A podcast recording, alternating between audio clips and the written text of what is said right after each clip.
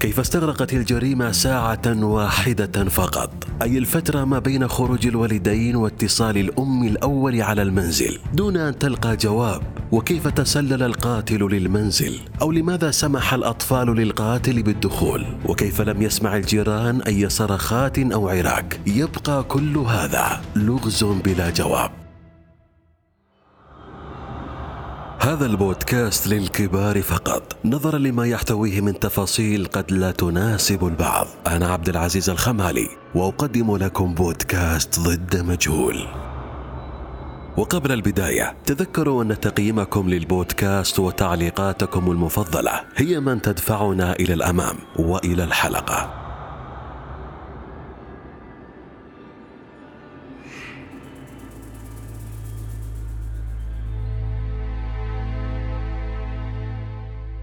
إنها السادسة والنصف صبيحة أحد أيام عام 1979 في سنغافورة توجه الزوجان تاني وزوجته لي إلى عملهم الصباحي حيث يمتلكون حافلة صغيرة لنقل الطلاب إلى المدرسة. الزوجان تركا صغارهم الأربعة أعمارهم ما بين الخامسة والعشر سنوات نائمين لأن موعد ذهابهم للمدرسة لم يحن بعد.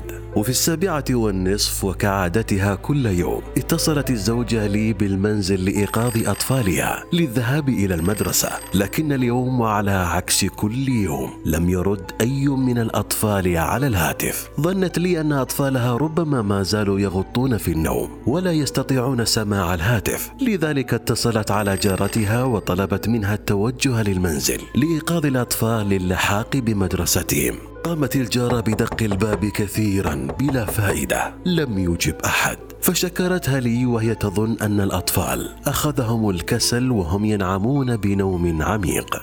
وفي تمام العاشرة صباحا عاد الزوجان إلى المنزل بعد أن أنهيا عملهم وكان بانتظارهما أفظع كابوس لن يغادر مخيلتهما إلى الأبد. وجدت لي أطفالها الأربع مكومين فوق بعض في الحمام. كانوا غارقين في الدم تلقوا الكثير من الطعنات الغادرة وجزت أعناقهم وكان ذراع الإبن الأكبر تكاد تكون مفصولة عن جسده. الأطفال والأولاد الثلاث تعرضوا لطعنات كثيرة أما الإبنة الوحيدة الصغرى فعلاوة على الطعن تم أيضا تشويه وجهها حضرت الشرطة سريعا وسط صراخ الأم وصدمة الأب فتشوا البيت بعناية كبيرة لكن لا أدلة فالقاتل أو القتلة كانوا قد نظفوا المكان بعناية قبل أن يغادروا. ما عدا بعض قطرات من الدم وجدت بالمطبخ وكذلك بعض شعيرات طويلة في يد الابن الأكبر تدل على أنه خاض شجارا من أجل حياته. ليس هناك أي أثر لدخول القاتل عنوة كأنه يعرف المنزل جيدا أو لديه مفتاح.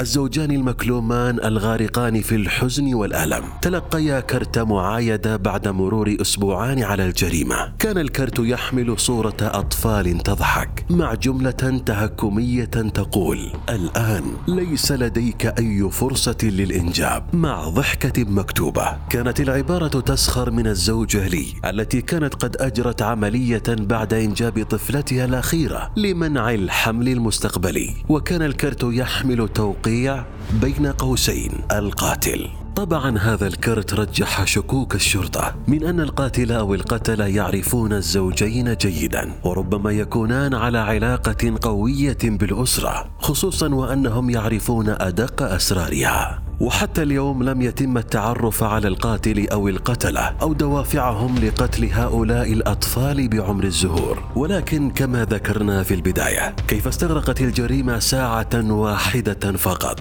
أي الفترة ما بين خروج الوالدين واتصال الأم الأول على المنزل دون أن تلقى جواب؟ وكيف تسلل القاتل للمنزل؟ أو لماذا سمح الأطفال للقاتل بالدخول؟ وكيف لم يسمع الجيران أي صرخات أو عراك؟ يبقى كل هذا لغز بلا جواب.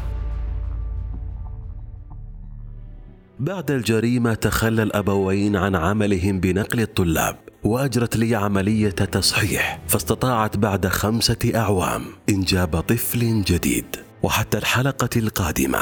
كونوا حذرين.